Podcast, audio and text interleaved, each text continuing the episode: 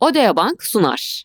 Güçlü toplumlar için kadınların hayatın her alanında etkin şekilde var olmalarının destekçisi olan ve çocukların eşit yarınlara uyanması için çok değerli projeler hayata geçiren Odea Bank'ın toplumsal cinsiyet eşitliği ile ilgili çalışmalarına açıklamadaki link üzerinden ulaşabilirsiniz.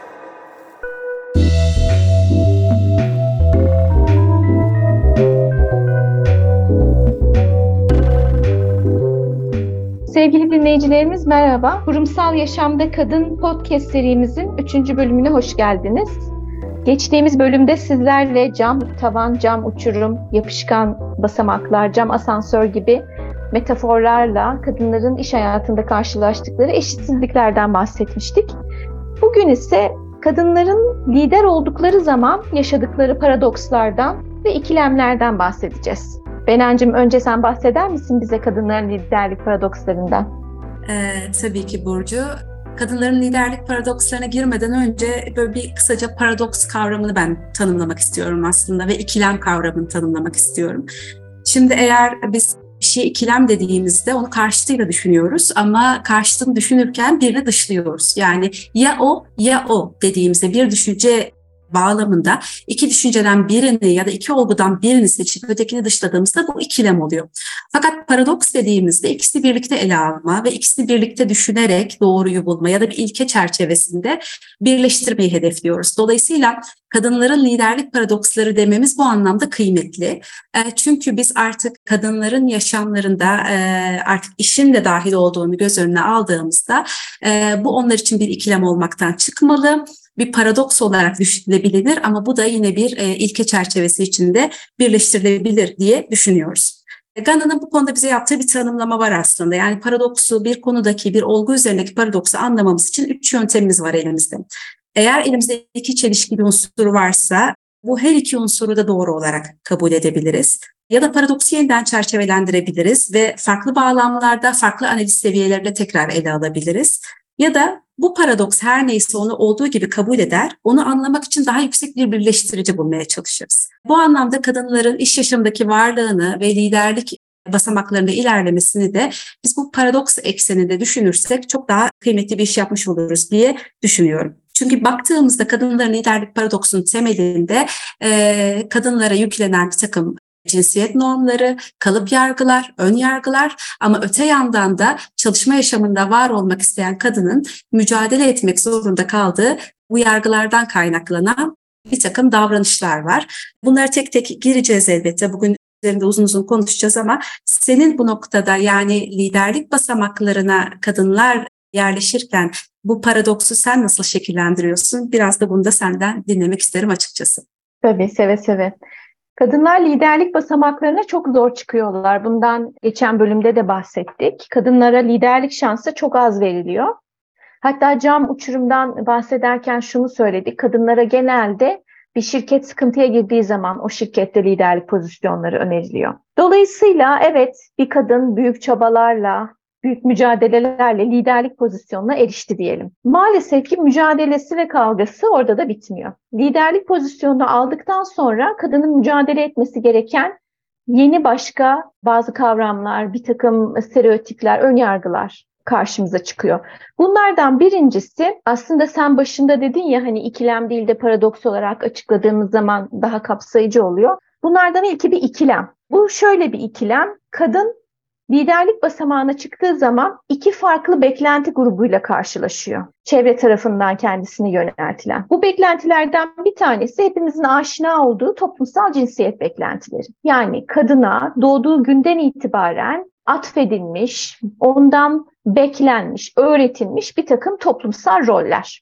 Kadının bu rolleri karşılaması gerekiyor. Fakat bu toplumsal cinsiyet beklentileri ve toplumsal cinsiyet rollerine ek olarak bir de iş yerinde artık üstlendiği liderlik rolüne dair beklentiler var. Bu beklentiler de maalesef iş yaşamının yapısı, kuralları, sistemi tamamen ataerkil olduğu için yani erkek baz alınarak, erkek göz önünde bulundurularak oluşturulduğu için başka türlü oluyor. Yani e, şirkette liderlik rolünü yükselen e, yükselen kadından erkek gibi olması bekleniyor. Erkek standartlarına göre olması bekleniyor erkeksileşmesi bekleniyor. Şimdi bununla ilgili ben kendi Şahsi tecrübeme de birazcık baktım bölüme hazırlanırken. Ben bir süre özel sektörde bir inşaat firmasında çalışmıştım. Bir liderlik rolüm yoktu, yönetici değildim. Fakat erkeksileşmem gerekmiş. Şimdi geriye dönüp baktığımda onu görüyorum. Çünkü saçımı kısacık kestirmiştim. Bol tişörtler, bol gömlekler giyiyordum ve hep kot pantolon giyiyordum iş yerine. Çünkü erkek baskın bir sektördü inşaat sektörü.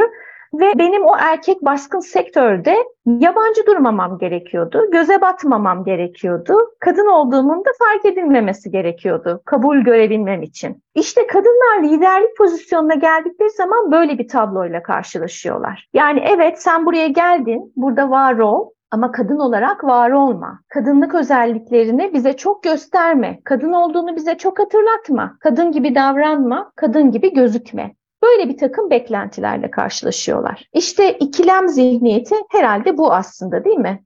Sen bir şeyler söylemek ister misin ikilem zihniyetiyle ilgili? Kesinlikle aslında tam olarak bu. Yani bir yandan kadının liderlik rollerine gelmesi zaten başlı başına oldukça zor bir konuyken öte yandan geldiğinde de sosyal kimliklerinden biri olan cinsiyet kimliğinden vazgeçmesi bekleniyor. Ama öte taraftan da annelik rollerini, eş ya da evlat rollerini de tam anlamıyla yerine getirmesi bekleniyor. Dolayısıyla elbette ki bu bir ikilem. Zaten baktığımızda liderlik tanımları yapıldığında liderlik tanımları bir kadın üzerinden yapılmıyor, bir erkek üzerinden yapılıyor, sağlıklı ve beyaz erkek üzerinden yapılıyor. Yani Birçok araştırma yapılmış bu konuda Burcu ve insanlara sormuşlar liderden beklenen özellikler ya da liderin görüntüsüyle ilgili bir takım sorular yöneltildiğinde insanların haklı olarak çalışanların daha doğrusu beyaz, sağlıklı bir erkeği tarif ettiği görülmüş. Dolayısıyla kadın bu dünyada zaten senin de söylediğin gibi tırnak içinde yabancı yani aslında istenmeyen kişi. Dolayısıyla bu istenmeyen kişi bir hakim kültürün içine girdiğinde mecburen onun özelliklerini göstermek zorunda. Nitekim Shine 1973 ve 75 yıllarında bununla ilgili bir çalışma yapmış ve e, think male, think manager demiş. Yani bir yönetici düşünün ve onu erkek düşünün. Başka türlü çünkü insanların zihninde bu oluşmuyor. Böyle olunca da tabii ki kadınların iş yaşamındaki deneyimlediği ayrımcılık yönetsel basamaklarda da karşısına çıkıyor. Biz biliyoruz ki bu ayrımcılık aslında iki türlü. Biri dikey, biri yatay. İşte yatay aslında senin söylediğin belirli mesleklerde kadınların yoğunlaşması, işte anaokulu öğretmenliği, büro, bankacılık gibi ya da sosyal hizmetler gibi alanlarda kadınlar ağırlıklı olduğunda bu bir yatay, yatay ayrımcılık ama dikey ayrımcılığa baktığımızda da yine kadınların daha alt basamaklarda yer alıp örgütün daha basamaklarında yer alıp yönetici basamaklarını erkeklere terk etmesiyle ilgili bir durum. Peki niye erkekler yöneticilik basamaklarını bu kadar istiyor diye baktığımızda çünkü yönetsel basamaklar gücü, kaynağı ve statüyü temsil ediyor. Yani elinizde güç var, elinizde kaynak var ve buna mukabil bir statünüz var. Dolayısıyla yıllar yılı bu statüler bizim toplumlarımızda e, erkeğe atfedildiği için ve erkeğe uygun görüldüğü için kadının bu güçten, statüden ya da kaynaktan pay alması çok istenen bir durum değil.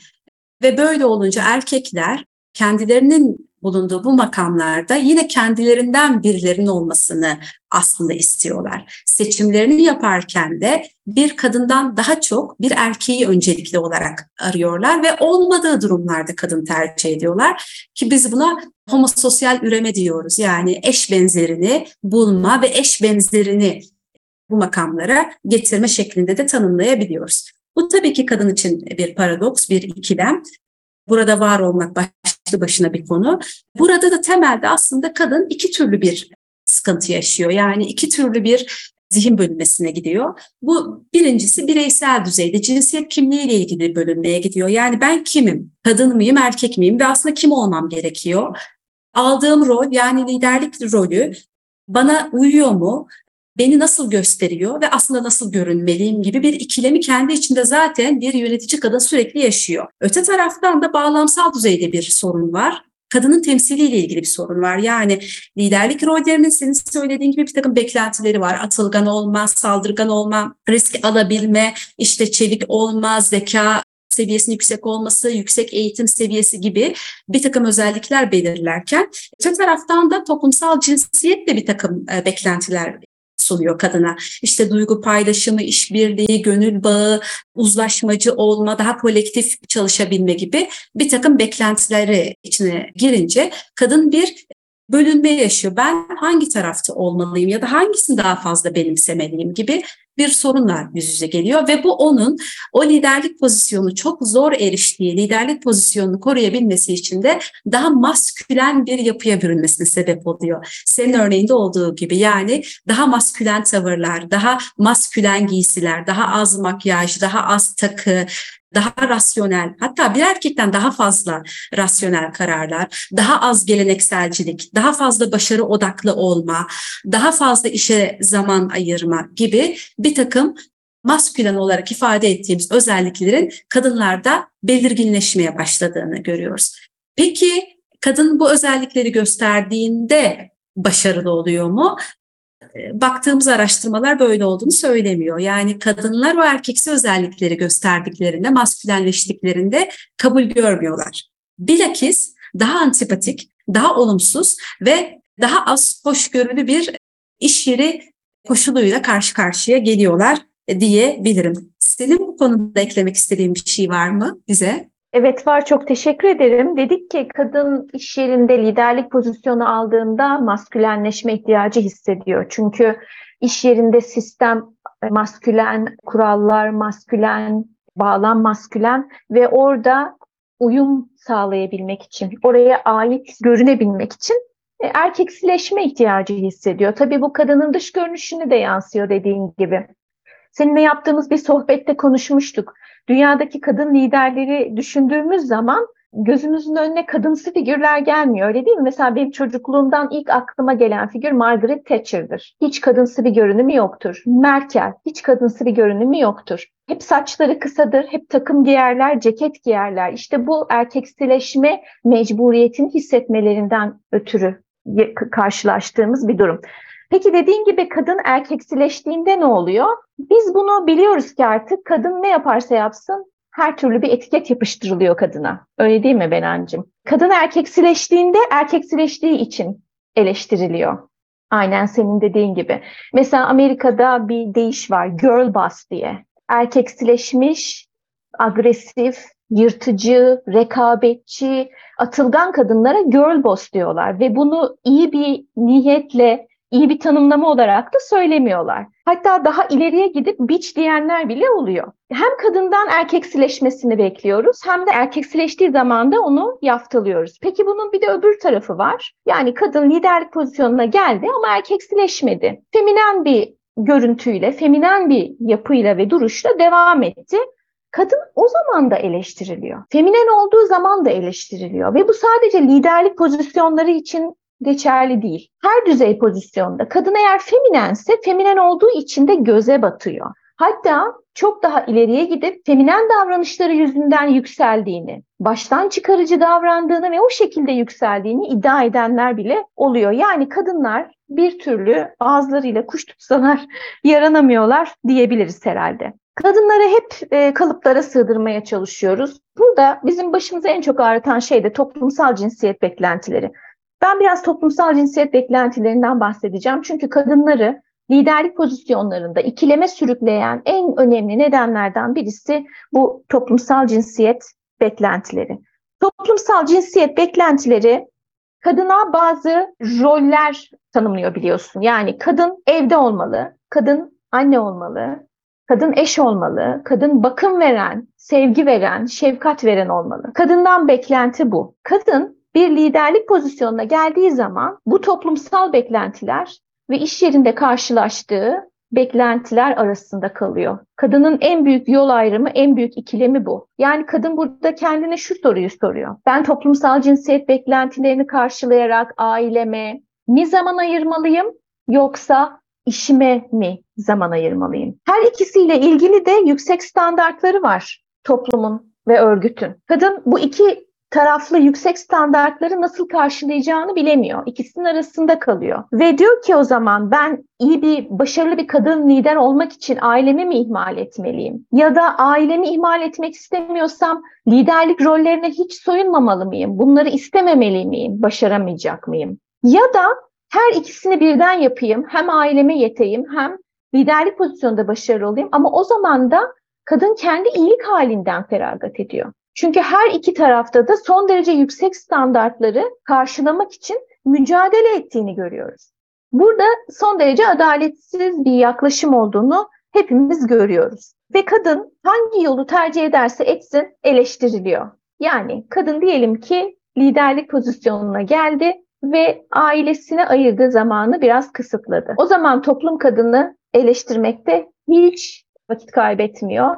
İşte işine çok odaklandı, çocuğunu ihmal ediyor, eşini ihmal ediyor, evini ihmal ediyor, çocuğuna başkası bakıyor. En yakınları bile kadını bu sebeplerle eleştiriyorlar. Anneleri eleştiriyor kadınları bu sebeple. Ben birebir arkadaşlarımdan biliyorum. Üstlendikleri yöneticilik pozisyonlarında çok fazla zaman ve emek harcamaları gerekiyor. Çocukların bakımı için destek alıyorlar diye kendi anneleri tarafından eleştiriliyorlar. Öte yandan diyelim ki kadın hem bir liderlik pozisyonunda hem de ailesiyle ilgili yapmak istediği şeyleri yapmaya çalışıyor. Diyelim çocuğu hastalandı. Çocuk hastalandığı için işten erken çıktı. Hemen arkasından dedikodu kazanları kaynamaya başlıyor. Bunun böyle olacağı belliydi. Çocuğu var. Nasıl altından kalkacak ki liderlik pozisyonunu? Yani toplumsal cinsiyet rollerinin kadının tepesinde sürekli sallanan Demokles'in kılıcı olduğunu söyleyebiliriz. Sistem diyor ki kadına, benim senden beklentilerim var, toplumsal cinsiyet rolleri. Bu rolleri karşılamalısın.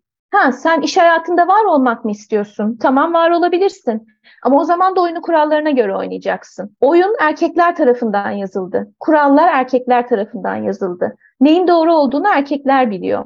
Sen bu oyuna gir, bu kurallara göre oyna, bizim beklentilerimizi karşıla. Yeri geldiğinde erkeksileş. Dolayısıyla benim bu ikili beklentilerimin hepsini karşıla. Eğer karşılamazsan o Demokles'in kılıcı senin boynuna iniverir.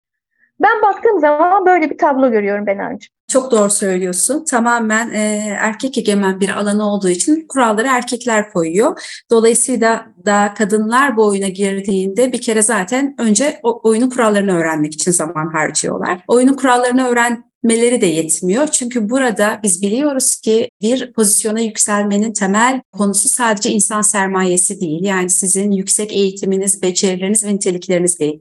Bunun yanı sıra hangi sosyal gruba üye olduğunuz yani sosyal kimlikleriniz de önemli bir pozisyonu alabilmeniz için. İşte burada erkekler sosyal kimliği kadınların aleyhine kullanıyor ve orada bir sosyal kapanma meydana geliyor. Yani bir görünmeyen bariyer var aslında orada. Yani bütün nitelikleri karşılayabilirsiniz. Evet okey ama bunun yanı sıra erkek de olmanız gerekiyor. Değilseniz zaten oyuna geriden başlamış oluyorsunuz.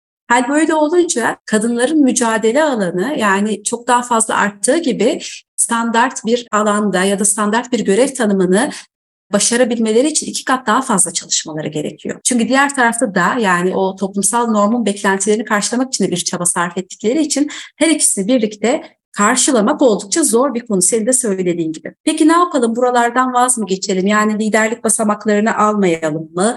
Bu hızda mı devam edelim diye baktığımızda 2021 yılı Dünya Ekonomik Forumu bununla ilgili bir çalışma yapmış ve şöyle demiş. İş, çalışma yaşamındaki cinsiyet eşitsizliğini giderebilmek için eğer bu hızla devam edersek 135 yıla ihtiyacımız var. Yani kadın ve erkeğin %50 %50 aynı çalışma ortamında bulunabilmesi için tam 135 yıla ihtiyacımız var. Ama yönetim kurullarında yani temsil basamaklı kadınların erkeklerle eş düzeyde olabilmesi için tam 200 yıla ihtiyacımız var. Yani bir 65 yıl daha üzerine koymamız gerekiyor eğer bu hızla gidersek. Bunu da bekleyemeyeceğimize göre ne yapmamız lazım?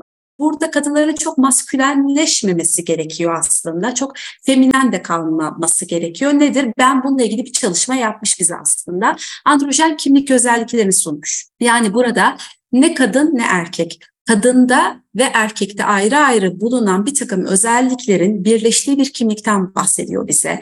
Yani bir yandan yüksek işbirliği ama öte yandan rasyonel karar verebilme, bir yandan atılganlık ama öte taraftan insanlarla duygusal bağ kurabilme gibi bir takım özelliklerin bulunduğu bir lideri tasvir ediyor bize bunu bir androjen kimlik üzerinde topluyor. Dolayısıyla eğer kadınlar androjen kimlik ve buna bağlı olarak dönüşümcü liderlik özelliklerini gösterirlerse yöneticilik basamaklarında çok daha fazla kabul göreceğini, kabul görmediğini biz deneyimledik.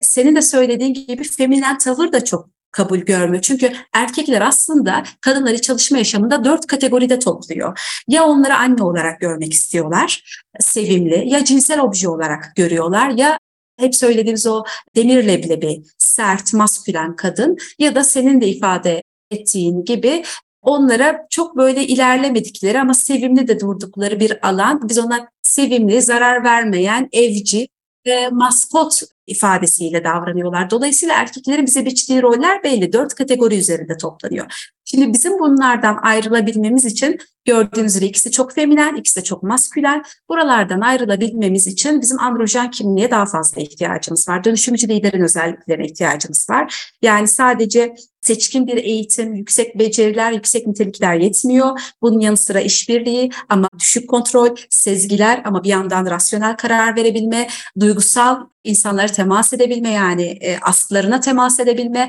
Öte taraftan da onlara güçlü bir vizyon sunabilme özelliğini göstermesi gerekiyor kadınların. Peki niye bu noktada daralıyorlar ya da neden bu noktada başarılı olamıyorlar? Başa dönüyoruz aslında bu bir çark, deneyim eksikliği. Çünkü pozisyonlar kadınlara hiç verilmediği için kadınlar nasıl davranacaklarını bilmiyorlar ve dolayısıyla da arkasından gelen bir başka kadına da bu konuda mentorluk yapma noktasında da eksik kalıyor. Böyle bir deneyimi yok. Ama erkekler bu pozisyonları çok uzun yıllardan beri işgal ettikleri için birbirlerine mentorluk yapabilme noktasında, tabiri caizse abilik yapabilme noktasında çok daha ilerideler. Deneyimleri çok yüksek. Bizim böyle bir deneyim eksikliğimiz de var. İşte bu deneyim eksikliğini giderebilmenin bir koşulu olarak açıkçası ben yani bu sosyal kapanmanın önünü açabilmek için liderlik gündeme geldiğinde çok maskülen kimliğe yaklaşılmaması gerektiğini düşünüyorum. Çok feminen kimliğe de yaklaşılmaması gerektiğini düşünüyorum açıkçası. Nitekim yapılan çalışmalarda bunu söylüyor. Yani yönetici basamaklarında bir kadının daha rahat çalışabilmesi için rahat olması yani ruh hali itibariyle rahat olması, kaygı düzeyinin düşük olması, iyi olma halinin yüksek olması ama buna bağlı olarak da çok yönlü düşünme kapasitesinin de artması gerekiyor ki esneklik ve buna bağlı olarak performans ve verim artışı gösterebilsin diyebilirim. Senin eklemek istediklerin var mı bu noktada Burcucuğum? Ben de birkaç araştırmadan bahsetmek istiyorum. Araştırmalardan bir tanesi diyor ki lider kadın en büyük baskıyı eğer evli ve çocukluysa yaşıyor. İşte o bahsettiğimiz hem toplumsal cinsiyet beklentileri hem de lider olmanın beklentilerini yarattığı o büyük baskıyı çok yaşıyor. Eğer çocuğu küçükse bu baskı çok daha fazla artıyor. Bir başka araştırma bize şunu gösteriyor. Kadınlar eğer çocukları küçükse liderlik pozisyonlarına aday olmuyorlar bile. Uzak duruyorlar. Çünkü o pozisyonda var olamayacaklarını düşünüyorlar. Çocuklarını ihmal etmek zorunda kalacaklarını ya da çocukları olduğu için düşük performans gösterdiklerine dair bir algıyla karşılaşacaklarını düşünüyorlar. Bu yüzden çocukları büyüyene kadar liderlik pozisyonlarından uzak duruyorlar. Araştırma bize bunu söylüyor. Bu arada hep e, evli ve çocukluk kadın liderlerden bahsettik bu noktaya kadar. Tabii ki bekar ve çocuksuz kadın liderler de var ama onlar da toplumsal cinsiyet beklentileriyle mücadele ediyorlar. Çünkü toplumsal cinsiyet beklentileri kadından sadece bir aile kurmasını, çocuk sahibi olup eşine, çocuğuna ve evine bakım vermesini beklemiyor. Eğer bekarsan da diyor, o zaman annene babana bakım ver. Kardeşinin çocuklarına bakım ver. Mutlaka bakım ver. Ailene bakım ver. Toplumsal cinsiyet beklentileri böyle. Dolayısıyla kadının sürekli birilerine bakım vermesi bekleniyor ve toplumsal cinsiyet rollerinde kadının kariyer sahibi olmasına dair hiçbir şey yok. O yüzden zaten kadınların kariyer sahibi olması desteklenmiyor. O yüzden bir kadın eğer kariyer sahibi ise şundan emin olabiliriz ki o kariyere sahip olmak için ailesi, çevresi ve toplum dahil olmak üzere pek çok farklı düşmanla savaşmış. Öyle değil mi? Mücadele etmiş orada olabilmek için. Çok güzel bir TED, TED Talk dinlemiştim geçenlerde. Meta'nın eski CEO'su Sheryl Sandberg'in bir konuşmasıydı. Dinleyicilerimize tavsiye ediyorum. Sheryl Sandberg konuşmasının başında diyor ki ben uzun süre CEO olduktan sonra Uzun süre kadın olduğumu insanları hatırlatmaktan korktum. Kadın değilmişim gibi davrandım bulunduğum ortamlarda. Kadın konularını konuşmaktan kaçındım, çekindim. Eşitsizlikleri konuşmaktan kaçındım ve çekindim. Çünkü bulunduğum ortamlardaki erkeklerin kadın olduğumu fark edip rahatsız olmalarından korktum. O yüzden cinsiyetsiz davrandım. Dışlanırım diye düşündüm eğer ben kadın olduğumu hatırlatırsam. Bu gerçekten çok güzel bir konuşma. Kadınların liderlik pozisyonlarına geldiklerinde ne, nasıl bir ortamla karşılaştıklarını anlatıyor. Bizim seninle ortak bir çalışmamız var Benancığım. Ee, şu an basım aşamasında. Oradan bir katılımcımızın söyledikleri aklıma geldi. Bu katılımcımız akademik bir kadın liderdi, bir üniversitede bir lider pozisyonundaydı. Ve şöyle söylemişti araştırmamızın bir noktasında. Yönetim kurulu işte mütevelli heyet toplantılarına katıldığım zaman orası erkekler kulübü gibi oluyordu. Bir gentleman's club şeklinde oluyordu. Dolayısıyla o gentleman's club'da erkeklere özgü şakalar yapılıyor, erkeklere özgü jargon kullanılıyor, futbol konuşuluyor vesaire ve sen sürekli oraya ait olmadığını hissediyorsun. Sana bu hissettiriliyor. Hatta bazen senin orada varlığından hoşlanılmıyorsa seni bilhassa rahatsız edecek bazı bel şakalar bile yapılıyor. Kadınlar böyle ortamlarda var olmaya çalışıyorlar liderlik pozisyonlarına geldiğinde. Bir başka örnek vermek istiyorum. Finlandiya Başbakanı Sanna Marin 30'lu yaşlarda ve 6-7 ay önce belki 8 ay önce hatırlayamıyorum. Belki dinleyicilerimiz hatırlarlar. Finlandiya Başbakanı olan Sanna Marin evinde kapalı bir parti yapıyor. Ve evinde yaptığı bu kapalı partide arkadaşlarıyla dans ediyor, içki içiyor, eğleniyor. Bu kapalı partide gizlice, gizlice çekilen görüntüler medyaya servis edildi. Ve medya bir kadın başbakan arkadaşlarıyla dans etti, eğlendi diye kadını linç etti. Dünya gündemine oturdu, ortalık yıkıldı. Neden? Çünkü kadın liderden, e, kadın sistem, kadın liderin böyle bir davranış göstermesine müsaade etmiyor. Peki erkek liderler hiç parti yapmıyorlar mı? Dans etmiyorlar mı arkadaşlarıyla? Eğlenmiyorlar mı? Tabii ki bunu yaptıklarını biliyoruz. Ama kadın bunu yaptığı zaman hemen linç ediliyor. Hatta bir adım ileriye gidildi. Bu başbakandan işte bir takım kan örnekleri alındı. Bir takım yasa dışı maddeler kullandı mı diye. Ben şunu merak ediyorum. Acaba bir erkek başbakandan da bunu isterler miydi? Buraya baktığımız zaman kadın liderlerin liderlik pozisyonlarına geldiğinde aslında bir ava dönüştüklerini görüyoruz. İnsanlar onları yaralamak için, aşağı çekmek için, oldukları yerden indirmek için, başarısız olmalarını sağlamak için adeta fırsat kolluyorlar, ellerinden geleni yapıyorlar. Bu gerçekten beni çok üzen bir örnekti. Liderlik tarzlarından sen de bahsettin Benancığım. Yani kadından genelde işbirlikçi olması bekleniyor bakım vermesi, çalışanlarına, müşterilerine özen göstermesi, onlarla ilişkilerine özen göstermesi, iyi ilişkiler kurması bekleniyor. Bunlar erkeklerden pek beklenmiyor. Şimdi çok güzel bir şey söyledin sen konuşurken. Liderleri neye göre seçiyoruz? Okuduğum bir araştırma diyor ki biz liderleri aslında üç ayaklı bir sehpaya oturtuyoruz. Yani üç tane gerek şart var lider olmak için. Bunlardan birisi performans, diğeri güç, üçüncüsü imaj. Bir kişi lider olabilmek için çok iyi bir performansı sahip olmalı, güce sahip olmalı. Güçten neyi kastediyoruz? Başkalarını etkileme potansiyeli yani çalışanlarını etkileme potansiyeli olmalı. Üçüncüsü de iyi bir imajı olmalı. Okuduğum bu makale diyordu ki kadınlar üç ayaktan sadece imaj üzerinden değerlendiriliyorlar. Bir liderlik pozisyonuna aday olduklarında. Performanslarına bakılmıyor. Performansları göz ardı ediliyor. Güçleri göz ardı ediliyor. Sadece imajlarına bakılıyor. Eğer gerçekten kadınların performanslarına bakılsaydı çok daha fazla kadın lideri liderlik pozisyonlarında, yöneticilik pozisyonlarında görürdük. Dolayısıyla ben de bu makalenin söylediklerine katılmadan edemiyorum. Bir başka çalışmadan bahsedeceğim. Bu da çok enteresan bir çalışma. Altı tane kadın lideri inceliyor bu çalışma. Ve şunu söylüyor. Bu altı kadın liderden iki tanesi liderliğe aday olmak için eşlerinin emekli olmasını beklemişler. Neden böyle? Çünkü toplumsal cinsiyet rolleri.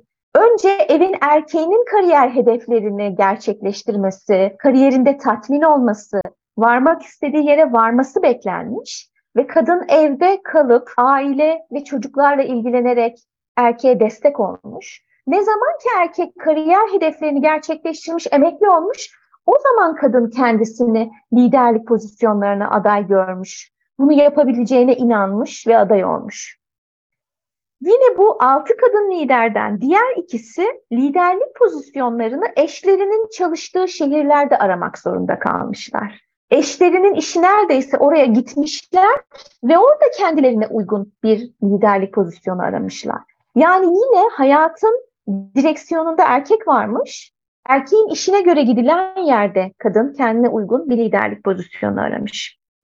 Son ikisi altı liderden, son ikisi ise liderlik pozisyonlarına gelebilmek için kendilerinin üstündeki erkek liderlerin pozisyonları boşaltmalarını beklemişler. Şimdi bakın çok basit bir çalışma bu. Altı kadın liderden bahsettik. Altı kadın liderin liderlik yolculuğundan bahsettik. Hepsinde de belirleyici olan erkeklerdi.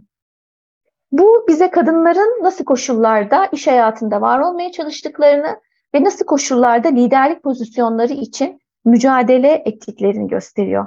Kadının ayağına biz pranga bağlamışız ve kadın işte o pranganın müsaade ettiği kadarıyla bir yerde var olmaya çalışıyor. Dedik ki sistem ataerkil. Sistem erkekler tarafından kurulmuş, kurallar erkekler tarafından yazılmış ve yine dedik ki sistem kadına diyor ki işi hayatında bir yere varmak istiyorsan bizim gibi ol. Bizim gibi ol derken erkekleri kastediyor tabii ki. O yüzden bu noktaya kadar hep yaşadığımız sıkıntılardan bahsettik kadınlar olarak.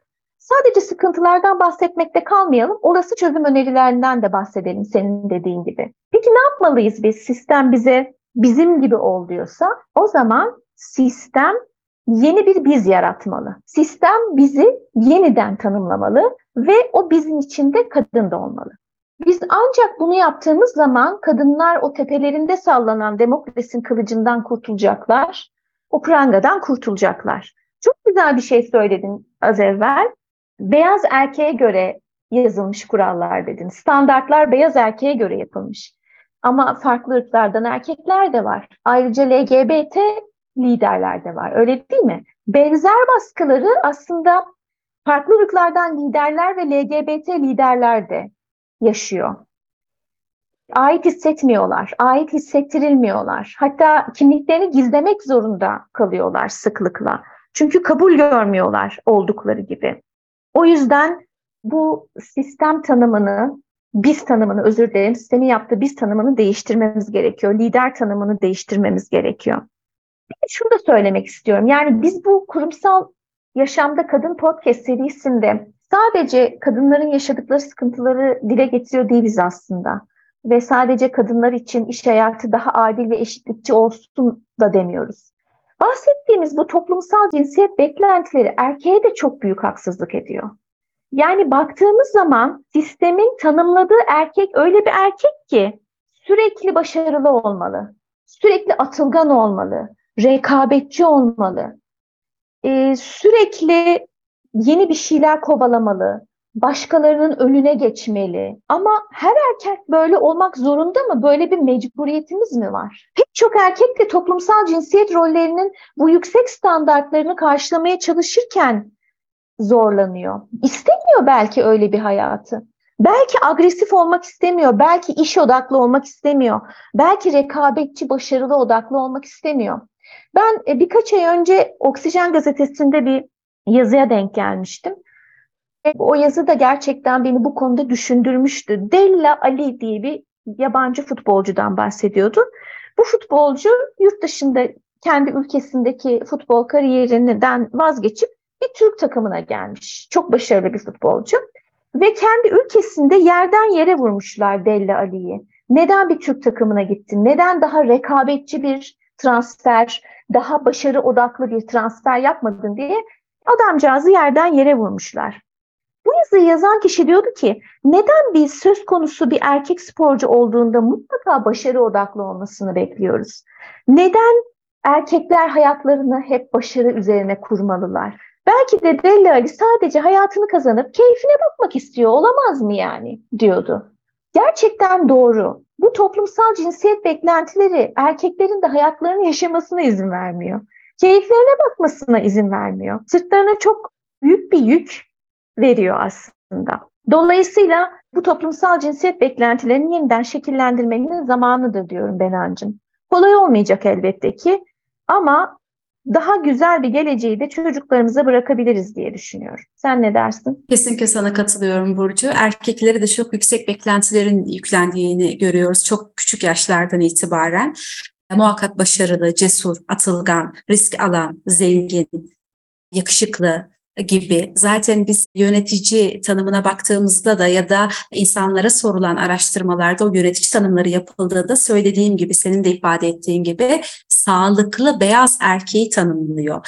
Hatta bir boy oranı bile veriyor. Yani uzun boylu, sağlıklı beyaz erkek. Dolayısıyla peki sağlıklı değilse, bir engeli varsa ya da beyaz tenli değilse yani açık tenli değilse koyu tenliyse yani burada bir aslında etnik ayrım da var. Hem etnik ayrım var hem sağlık açısından bir ayrım var ve bir de senin söylediğin gibi başarılı. E, Dolayısıyla burada bir eğitim ve zeka odağı da var. Yani daha zeki, daha seçkin bir eğitim almış, daha atılgan. Dolayısıyla her erkek böyle olmak zorunda olmadığı için burada da aslında ora, ora, e, çok ciddi bir kriter orada da var. Bunu da ortaya koymamız lazım bu eşitçi söylem çerçevesinde. Evet onların da e, çok ciddi mücadele ettiği alanlar var ama toplumsal cinsiyet rollerinin kadınlara verdiği yükler bakımından tabii ki yine eşit değiliz. E zaten ilerleyen serimizin ilerleyen bölümlerinde de bunlara ayrıca değineceğiz. Benim de söylemek istediklerim, sana ekleme yapmak istediklerim bu kadar. Çok teşekkür ederim Benancığım. Bence çok keyifli bir bölüm oldu. Umarım dinleyicilerimiz de keyifle bizi dinlemişlerdir. O zaman bir sonraki bölümümüzde tokenizm konusunu konuşacağımızı söyleyelim. Tokenizm Bena'nın tezinin konusu. Çok hakim olduğu bir konu ve çok güzel bir konu. Çok da keyifli bir sohbet gerçekleştirdik tokenizmle ilgili. Hepinizi bir sonraki bölümümüzü dinlemeye de davet ediyoruz. Bizi dinlediğiniz için teşekkür ederiz. Lütfen e-mail adresimiz olan kurumsalyaşamdakadim.gmail.com'a sorularınızı, yaşadıklarınızı yazmaya devam edin. Sizden haber almak bizi çok mutlu ediyor ve ayrıca içeriğimizi de zenginleştiriyor. Teşekkür ederiz. Ben de çok teşekkür ediyorum. Görüşmek üzere. Hoşçakalın.